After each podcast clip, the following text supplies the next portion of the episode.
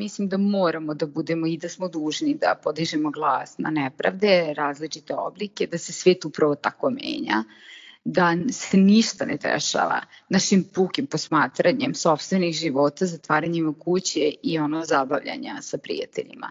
Sve je to u redu i tako treba da izgleda život, naravno treba da se zabavljamo, volimo, ali smo dužni i da se borimo za bolje sutra i nama i svih ljudi oko nas i ljudi koji tek treba da dođu.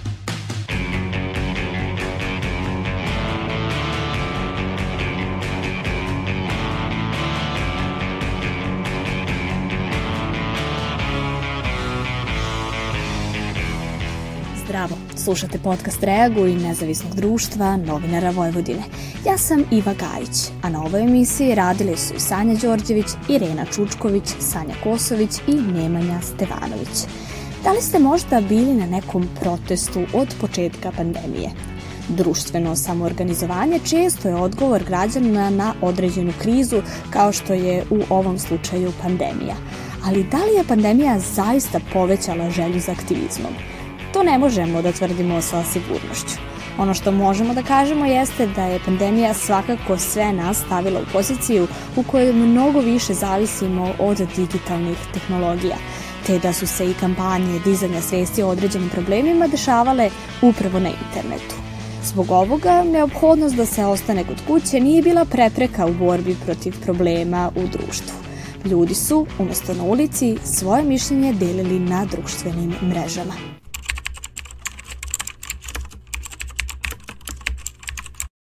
Ipak, dosta protesta širom sveta održalo se i u tradicionalnoj formi na ulicama. O tome kako je pandemija uticala na aktivizam na globalnom nivou i koji su neki od održanih protesta od početka pandemije, slušat ćemo u prilogu studentkinje Jelene Rodić.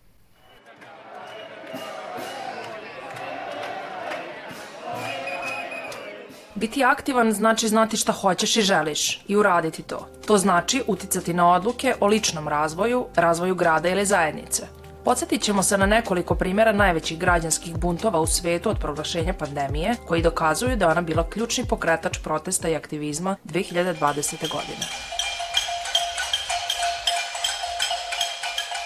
Uzroci protesta su delimično slični. Narušena očekivanja, porast nejednakosti, korupcija ili visok nivo frustracije. Od početka pandemije, široko rasprostranjene mere zatvaranja zbog COVID-19 izazvale su mnogobrojne negativne reakcije širom sveta. Global Protest Tracker objavio je da je čak 31 zemlja u svetu protestovala i marširala ulicama protiv COVID mera koje su im ograničavale lična prava i slobodu. Njihova procena je da je oko 90.000 ljudi u svetu izašlo na ulice širom Amerike, Engleske, Rusije, Nemačke i drugih velikih zemalja.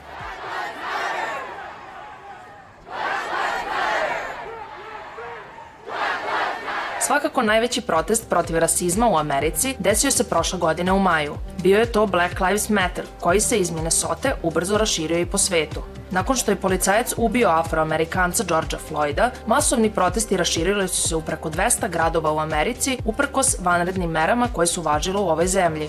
Godinu dana nakon incidenta pokrenute su reforme u pravosuđu i policiji. Time ovaj protest predstavlja veliki korak u otklanjanju sistemskog rasizma koji godinama živi u američkom sistemu. Pored raznih nemira koje su obeležile 2020. godinu, Poljska se u oktobru susrela sa još jednim, koji je okupio novu grupu aktivista. Ustavni sud ukinuo je pravo abortusa, nakon čega su demonstranti blokirali puteve širom Poljske. Iako bojkot protiv abortusa u ovoj državi ima dugu tradiciju, ovi protesti po masovnosti i trajanju premašili su sve do sada. Ova odluka nazvana je ratom protiv žena, ali građanski aktivizam nije uspeo da spreči zakon koji je ipak stupio na snagu u januaru ove godine.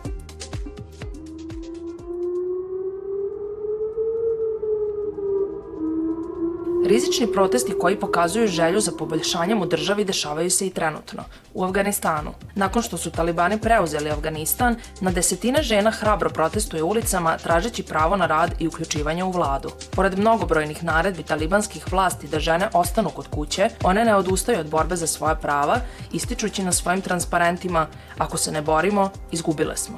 Iako su ovo samo neki od primjera mnogobrojnih protesta koji se svakodnevno održavaju, činjenica je da ih je sve više. Važno je uočiti kako je, nakon što su nam se lična prava i slobode ograničeni proglašenjem pandemije, to dovelo do stvaranja još jačeg građanskog otpora. Širom sveta rastu zabrinutosti ljudi koji se osjećaju stisnuto, besno i bespomoćno, zbog gušenja demokratije i prava, zbog čega je javnost primorana da se odupre onome što je se svakodnevno nameće. Iz Nemačke sa lica mesta javlja nam se i Sanja Đorđević. Sanja, bila si na protestu u Berlinu. O čemu je reč? 20 Filmschaffende macht einen Rinder!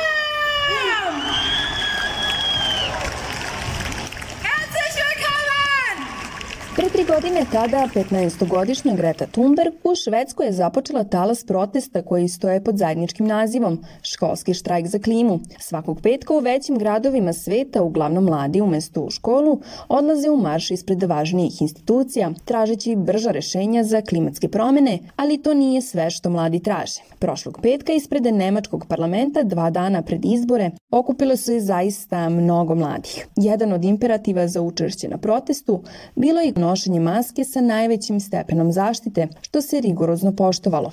Ovde sam zato što su klimatske promene veoma važna tema. Ovo je poslednja šansa da se nešto zapravo promeni u ovom zakonodavnom periodu. Ako ne uspemo nešto da promenimo sada, totalno smo nadrljali. Ovo je jedna od učesnica protesta koja deli stav sa ostalim učesnicima. Možemo da promenimo politike. Ono što je važno jeste da sada promenimo velike stvari iz korena. Ono što radi pojedinac više nije dovoljno efikasno. Moramo da imamo vladu koja zapravo brine o klimatskim promenama, koja je spremna da promeni nešto i da gradi bolju budućnost za sve nas. Naša sagovornica uverena je da će donosioci odluka slušati uprkos tome što zahtevi dolaze od mladih ljudi. Možete videti da je petak za budućnost pun mladih ljudi, naravno. Važno je da koristimo naš glas, da se međusobno umrežavamo, da delimo naše mišljenje. Iako ne možemo još uvek da glasamo, mi moramo da osiguramo da se naš glas čuje. Naša druga sagovornica, učesnica protesta u Berlinu, dolazi iz Francuske. Upoređujući situaciju u Nemačkoj i Francuskoj, došla je do zaključka da država sluša, ali ne u dovoljnoj meri i ne dovoljno brzo. Ovdje sam jer bih voljela da država preduzme više mera za klimu. Moramo da promenimo stvari, ali ne kao pojedinci. To mora da bude globalna promena.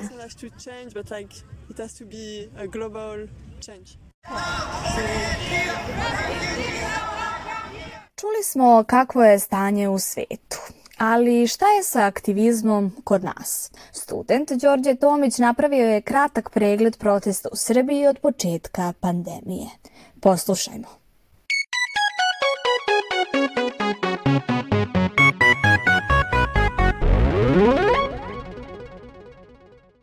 Tokom 18 meseci pandemije bili smo svedoci mnogih okupljanja i demonstracija koji su uglavnom nastajali kao odgovor na donošenje preventivnih mera organa vlasti.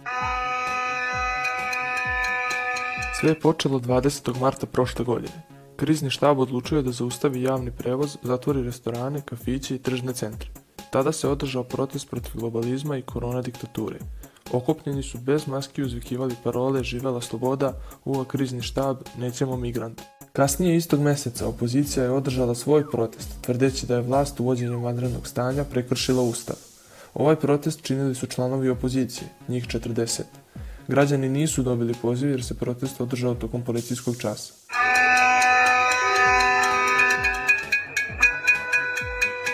Početkom maja 2020. Boško Obradović, lider pokreta Dveri, upao je u Skupštinu Srbije da izrazi negodovanje zbog toga što je Crnogorski parlament noć ranije usvojio zakon o slobodi veroispovesti. Nakon tog incidenta, nekoliko dana kasnije, ispred Skupštine našli su se predstavnici opozicije, ali ovaj put i vlasti. 3. jula studenti su se našli na ulici. Vlast je odlučila da zatvori studentske domove da bi sprečila širenje pandemije, a oni su tražili njihovo ponovno otvaranje, kao i dodatni ispitni rok za one koji su preležali koronu. 7. jula protest je eskalirao velike nerede kada je grupa ponovo upala u skupštinu, ovaj put oko 22 časa. U martu 2021. na Trgu Republike održan je protest koji je, pored redovnih protivnika mera za suzbijanje koronavirusa, okupio i protivnike vakcinacije, takozvane antivaksere. Oni su istakli da su protiv bilo kakvih mera protiv koronavirusa, kritikujući restriktivan odnos države Srbije. Pored tog, održan je protest ugostitelja, koji su se kasnije pridružili učesnicima prvog skupa. Učesnici protesta nisu nosili zaštitne maske. Početak septembra obeležili su ekološki protesti. Naime, organizator događaja bilo je udruženje Eko Straža, a učesnici su nosili transparente sa natpisima Dišite pažljivo, vazduh je opasan, vinča gorija, baba se češlja. Glavna meta protesta bili su fabrika litijuma Rio Tinto, divlje deponije, industrijski otpad, mini hidroelektrane i loš kvalitet vazduha. Drugi po redu ekološki građanski skup desio se 11. septembra, kada se okupilo više od 30 organizacija za očuvanje životne sredine i mnogobrojni glumci, profesori i javne ličnosti. Pandemija koronavirusa provela nas je kroz policijske časove, policijske vikende, karantine, otkazana letovanja, zimovanja, geopolitičku vakcinaciju i online život. I vrata su još uvijek širom otvorena za nova iznenađenja koje će priređivati svetski zvaničnici da bi ona sa zakašnjenjem završila i u Srbiji. Ostaje samo pitanje koliko dugo će ovaj roller coaster da traje. Čuli smo koji su se protesti održavali u Srbiji, ali želeli smo da dobijemo i mišljenje o njima iz prve ruke – od građana. Pitali smo ih da li su išli na proteste i oni imaju podeljena mišljenja, dok su neki ipak presekli da odu na proteste sa merama zaštite od koronavirusa, drugi misle da to ipak nije dovoljno i da je neodgovorno. Jedino u čemu se slažu jeste da podržavaju ekološke proteste, ali dok jedni odlaze i podržavaju ih, drugi imaju svoje zadrške. Poslušajmo šta su rekli stanovnici Beograda i Niša. Bila sam na nekoliko protesta, iako sam dugo razmišljala i lomila se šta je odgovorno i za mene i za druge, ali podržala sam radnike na internetu i ovih par ekoloških protesta, zato što osjećam potrebu i svoju dužnost da, da izađem i da pokažem bunt i nezadovoljstvo kakvi god da su zapravo uslovi oko nas. Mislim da je malo neodgovorno u, u trenutku pandemije, pogotovo u, znači, u ovoj drugoj polovini, ajde da kažemo, uz 2021. ići na proteste zato što su nam izuzetno veliki brojevi i sa celom situacijom mislim da je tu skuplja dara nego mera. Da sad kao ići na proteste, gužvati se s ljudima, ne, nemaš dovoljno, dovoljno razvijene svesti među građanstvom u smislu korišćenja sredstava samozaštite i zaštite ljudi oko sebe. Išao sam na, sad sam pobrojao tri protesta od početka pandemije, a bio sam u Rakiti kada su uništavane cevi mini hidroelektrane, bio sam na protestu ulice protiv fašizma u Novom Sadu kada je napadnut Daško Milinović i bio sam na poslednjem ekološkom ustanku. Jednostavno sam osetio potrebu da budem tu, ništa više kao da je to neki minimum koji mogu da učinim. To su bili sve protesti sa kojima se apsolutno slažem i apsolutno ih podržavam, tako da nekako pandemija nije uticala na to. Trudio sam se da se zaštitim. Još jedan od primjera aktivizma u Srbiji jeste i protest za vodu u Zrenjaninu, gradu koji već 17 godina nema pristup pijaćoj vodi. Ovi protesti nastali su tokom pandemije. Ipak, njima su prethodili protesti protiv kafilerije u istom gradu, objašnjava jedan od osnivača udruženja Zrenjaninska akcija Bekim Rukeci.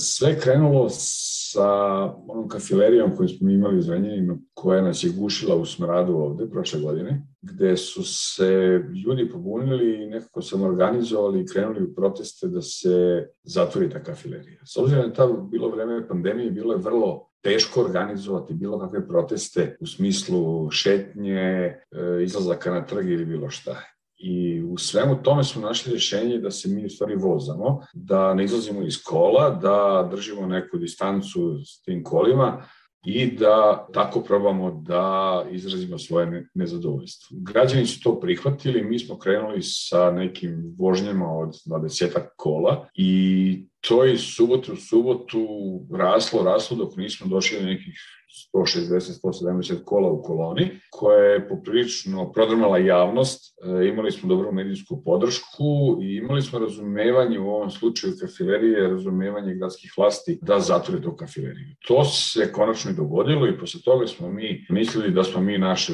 uradili, dok nismo shvatili da u stvari u ovom gradu ima još puno stvari koje bi trebalo da se urade, da mnogo toga ne valja i onda smo seli, organizovali se u smislu da smo formili jedno neformalno udruženje građana Zrinjska akcija, To su isti ljudi koji su i vodili proteste protiv kafilerije i napravili smo tako neku organizaciju koja bi trebala da se bavi sa nekim problemima u gradu. Odaziv građana na protestu za vodu bio je mnogo veći nego na prethodno održanim protestima protiv kafilerije, naglašava Rukeci.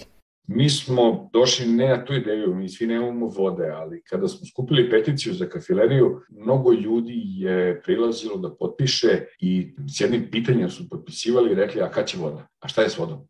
To je nama ostalo onako urezano i znali smo da je voda nešto što mi moramo da, da, da pokrenemo, jer čekajući gradske vlasti, to se nikad ne bi desilo, već 17 godina nemamo vode, plus što je taj problem sa vodom, čitava ta priča zasljena sa puno korupcije i kriminala, gde je u svemu tome učestvovala i gradska vlast i mi smo rešili da krenemo s tim. Tako smo se organizovali, znajući za taj problem da u svakom momentu mogu ponovo da nas zatvore, da u svakom momentu mogu da proglase neko varedno stanje u gradu da nas preče. Mi smo krenuli sa uh, vožnjama. Kad smo objavili tu prvu vožnju, došlo je pa preko 200 nešto kola. To je više nego što je bilo na završno vožnji sa kafilerijom.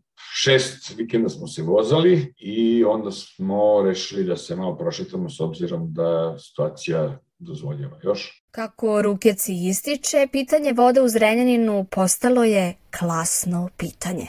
Pitanje vode u Zrenjaninu je davno preraslo da bude samo političko. Mi smatramo da to više nije ni, ni stranačko pitanje. U gradu Zrenjaninu trenutno situacija kako jeste, pitanje vode postaje polako klasno pitanje u smislu da ko ima novca, on može da kupi vodu, ko nema novca, nek se snalazi sa česmovačom. To se prilike ovako odražava.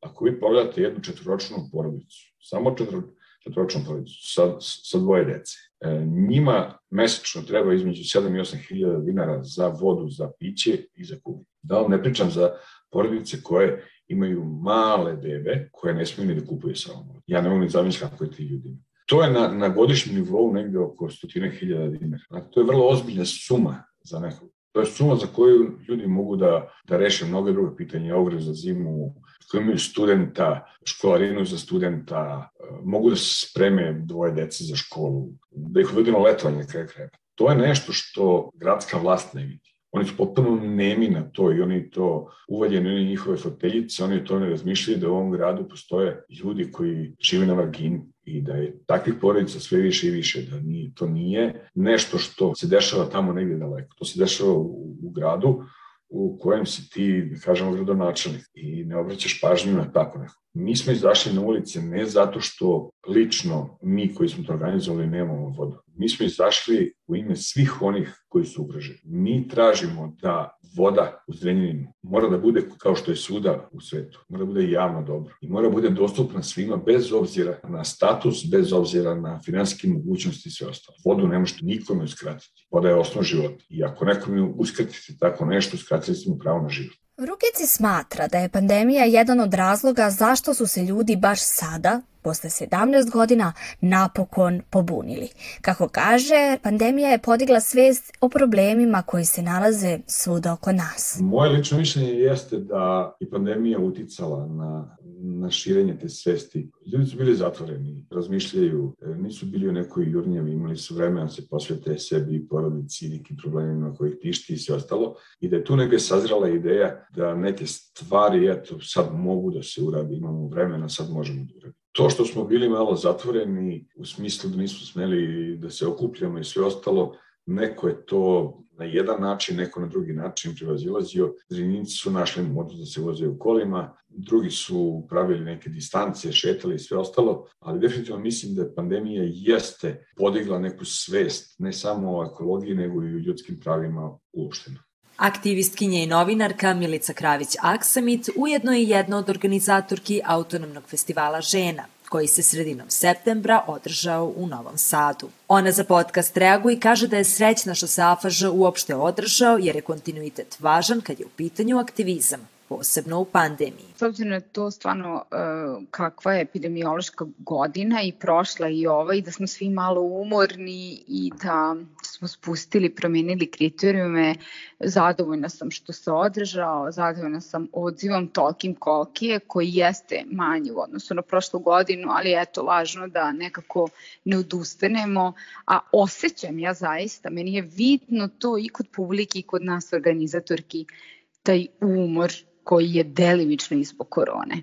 Ona prepričava kako je pandemija uticala na sam festival, samim tim što se i prvi put održao prve godine pandemije. Neko me podsjetio ove godine kako sam prošle godine izgovorila jao, a će biti dobar drugi AFŽ kad ne bude bilo korone i kad sve budemo mogli da radimo kako želimo. To se naravno nije dogodilo, ispalo je da je ovaj u neku ruku lošiji od prošlogodišnjeg stvarno iz više faktora. Između ostalog i zbog korone što smo mi prosto bile svesne rizika i na neki način se već u startu odlučivale na, na, na izvesnije, lakše jer kao znamo šta se može se desi. Imamo iskustvo s koronom odnosno na prošlu godinu gde smo prosto bile u tom nekom energetskom poletnom osjećaju da će sve biti u redu i učinimo kako smo zamislili i to jeste bio neki vakum prošli septembar kada su mere popustile i mi jesmo uspele da uredimo sve kako smo zamislili. Ove godine je bilo preznije i nas je bilo manje i moram da kažem da to nije samo zbog korone, već i zbog našeg planiranja narednog afežeja koji je u junu naredne godine, pa smo mi malo snagu i na to preusmerile. Tako da ove godine trajao tri dana i on jeste bio pažljivo odbran i jeste bio vođen ograničenjima kojim, koje je nametnula pandemija. Ipak, Milica Kravić-Aksamit kaže da je ovogodišnje posetioce najviše zainteresovala tema zdravlja. Mi smo i prošle, ove godine pogotovo, bile usmerene na formu razgovora i imale smo e, četiri tribine ili četiri javna razgovora i mislim da jeste negde highlight ta poslednja tribina, tribina o zdravlju, koja jeste samo trajanje njeno je, je ono, objasnilo koliko je bilo potrebno. Prosto imam osjećaj da su pitanje i uključivanje publike trajala koliko i sam razgovor. Mi smo imali prosto vrsne e, lekarke, ali i aktivistkinje kao sagovornice i to je stvarno pokrenulo lavinu ispovesteli i pitanja žena u publici i to je u tom smislu, po mom mišljenju, a to je i poslednja tribina, stvarno highlight. Kravićak Samit kaže da je važno da aktivizam postoji i živi u kontinuitetu, pa makar bio i u online prostoru. To je prosto kao neophodnost ovog vremena da ti sve što možeš, a važno je da uradiš kao što je to neko udruživanje ili povezivanje na aktivističkom polju, izvedeš kako možeš možeš. A takve su okolnosti da smo mi sad mnogo toga i ono što nismo očekivali ćemo ikad videti od muzičkih festivala ono, preselili u taj online prostor. E, tako i mi. Opet sve sa ciljem da naredne godine te susrete ponovimo i učvrstimo uživo. Ja mislim da je važno da se održava kontinuitet. Ja znam da smo se mi svi od tih oblika e, razgovora putem nekih online platformi mislim smorili i nije nam to omiljeno, ali mislim da je nužno da postoje jer evo i, i ti i ja sad obavljamo razgovor i pričamo, mi smatramo važnim temama uprkos tome što sam ja koliko kilometara udaljena i u Sloveniji. Po njenom mišljenju, važnije je da se sadržaj dobije i čuje, nego da se razmišlja o tome putem kojeg sredstva se dobija. Mislim da je aktivizam važan da postoji, sastanci, udoživanje i razgovori, pa makar i tim nekim putem, to često znam da bude zapravo i korisno, mislim, mnogo brži način da se sa nekim susretniš, razmeniš mišljenje koje je udaljen fizički ili naravno zbog korone sprečen da izlazi iz kuće. Ipak, pored prisutnog online aktivizma i brojnih protesta koji su se organizovali od početka pandemije, Milica Kravićak Samit, za razliku od našeg prethodnog sagovornika, smatra da nas je epidemiološka situacija ipak navela da budemo pasivniji. Mislim da je e, uticala na pasivnost društva globalno, a za srpsko društvo je jako teško govoriti šta nas je učinilo pasivnim, jer mislim da je to ono čitav splet okolnosti i čitav niz godina. Mislim da smo užasno pasivni i da ovo korona je jeste doprinela tome da u aktivističkom smislu budemo još manje nekako zainteresovani za promene da li ono izgubili nadu ili, ili smo promenili sada prioritete. Mislim da jeste oslabilo onako aktivističku scenu, nekako je obesmislilo, ali opet nekako mislim da su to samo trenutni utisci, da će sa, mislim, ako ikad pobedimo, jel tako, koronu i ako uspemo da normalizujemo epidemiološku situaciju, ako to postoji uopšte u budućnosti, ta neka kao stara normalnost, e, mislim da će se onda i, i polje borbe pojačati. A možda ćemo samo morati da se namestimo na, na te nove uslove i, i kada njih normalizujemo opet se nadam da ćemo e, naći nadu za, i, i snagu za neku borbu. Kravić objašnjava da kao što nam je obaveza da plaćamo račune, tako je i obaveza da budemo građanski osvešćeni. Kada to kaže, mislim da moramo da budemo i da smo dužni da podižemo glas na nepravde, različite oblike, da se svet upravo tako menja da se ništa ne dešava našim pukim posmatranjem sobstvenih života, zatvaranjem u kuće i ono zabavljanja sa prijateljima. Sve je to u redu i tako treba da izgleda život, naravno treba da se zabavljamo, volimo, ali smo dužni i da se borimo za bolje sutra i nama i svih ljudi oko nas i ljudi koji tek treba da dođu. Tako da je jednostavno meni to neodvojivo od reči građanin ili ako ta reč nije omiljena, onda čovek. Mislim, čovek je ono, uslovno rečeno i poslušno i neposlušno biće i mora da bude ujedno i borac ili borkinja za, za pravde i slobode, samo se tako društvo menja na bolje. Ne postoji prosto drugi način, sedenjem ono, kod kuće i mirenjem sa svim što se dešava. Kravićek Samit kaže da je pandemija donela i nove oblike aktivizma, gde su, po njenom mišljenju, malo pobrkani lonci. Zanimljivo da su borbe dobile drugačije oblike, tebi sa koronom i sa celom tom haotičnom epidemiološkom situacijom globalno jačaju neke potpuno čudne strukture koje se bune. Mi imamo protesti u Sloveniji svaki dan, oni su uglavnom jel tako, usmereni na neku čudnu stranu, po mojom mišljenju, dakle, borba protiv e, ovih mera koje su jake, a ja mislim da su tu tako pobrkani lonci, da, da se usmerava i gnev i nezadovoljstvo vlastima, i nekako se preusmerava na i izjednačava sa borbom protiv korone, to nikako ne bi smelo da se desi. Tako da gde će aktivizam i u kakvom obliku nakon korone da završi, to će jako biti zanimljivo da vidimo. Ona zaključuje da je važno da budemo oprezni za kakve se stvari borimo. Postoje bukvalno ono, suludih, su, suludih borbi koje prosto nisu opravdane i ne čine dobro svetu. Tako da znam da je granica problematična, diskutabilna, ali postoje pametni ljudi koji, koje treba da slušamo. Postoje ljudi i dalje, moram da verujemo u fakultete i društvene centre, naučne centre koji i dalje gaje obrazovan svet. Kako je naša sagovornica već pomenula, neke borbe ne čine dobro svetu. Primer ovoga jesu protesti takozvanih antivaksera i antimaskera. Kao najvažniji primer imamo nedavni antiglobalistički skup u Beogradu, čiji su učesnici hteli da izraze protivljanje prisilnoj vakcinaciji, COVID propusnicama ili, kako kažu, pod navodnicima, prisilnom testiranju dece u školama. I dok se u ostalim zemljama Evrope uveliko traži COVID sertifikat pri ulasku u restoran, bioskop pa čak i klub i gde je za ulazak u muzeje i na kulturne događaje neophodna registracija unapred, kod nas se protiv ovakvih mera protestuje. Socijalna psihološkinja Bojana Bodroža ističe da će se, verovatno zbog sve veće nepopularnosti COVID mera i COVID propusnice uvesti postupno ukoliko uopšte dođe do njihovog uvođenja. E, sigurna sam da država očekuje veliko nezadovoljstvo zbog e, bilo kakvih mera, jel? A, a sa druge strane, kažem, ako e, i dođe do nekih protesta pitanje je kakvi će oni da budu u kojoj formi i tome slično. Znači, postoje osnovane sumnje da čak i oni prošlogodišnji, da samo nasilje koje je nastalo zapravo je bilo negde, da kažemo, inicirano nekim umetnutim faktorima, jel? Ovaj, tako da, čak i ako bi e, to izazvalo određene proteste, njihov razvoj, dakle, mogu da prođu mirno, a mogu da prođu i burno i nasilno, što će opet zavisiti dosta, čini mi se, od nekih e, državnih E, faktora. Ipak Bodroža kaže da ne misli da je pandemija direktno uticala na povećanu ili smanjenu spremnost građana na aktivizam. Ona objašnjava da ljudi preduzimaju aktivističke akcije onda kada osjećaju da su njihova prava ugrožena ili je nešto urađeno na nepravedan način.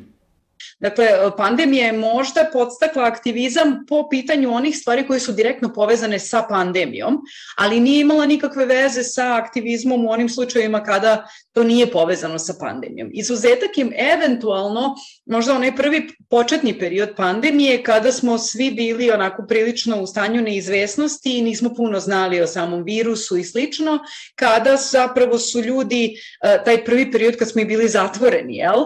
Ovaj, kada ljudi e, nisu preduzeli akcije iako su osjećali e, da, da su ugroženi, jer opet sa druge strane nismo znali koje su opasnosti usled pandemije i virusa. Jel? Dakle, u tom periodu možda su postojale neke stvari koje, zbog kojeg su ljudi bili nezadovoljni, ali nisu ništa preduzimali sa druge strane i straha od pandemije, ali nakon što se ta situacija donekle relaksirala, videli smo da, da ovaj, su onda već počeli da se organizuju događaji na kojima se manje ili više jel, vodilo računa o tim nekim prevetnim merama. Ovim završavamo i 70. epizodu podcast serijala Reagu i nezavisnog društva novinara Vojvodine u kojoj smo govorili o uticaju pandemije na aktivizam. Da li vi mislite da je pandemija ikako uticala na aktivizam, bilo pozitivno ili negativno?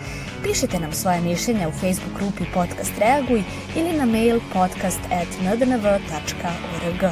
Slušamo se ponovo uskoro, a do tada ne zaboravite da čekamo na vas, vaše komentare, iskustva i predloge tema koje možete slati i na Twitteru i Instagramu, gde se nalazimo pod imenom NDNV Media Hub ili na TikToku gde smo pod imenom Reaguj Podcast. Naš rad možete pratiti na kanalima na iTunesu, Stitcheru, Castboxu, Sounderu, Spotifyu, Google podcastima, Deezeru, kao i na sajtu podcast.rs. Ukoliko želite da nas podržite, uradite to baš šerovanjem, komentarom, deljenjem svoje priče ili preko sajta donations.ndnv.org.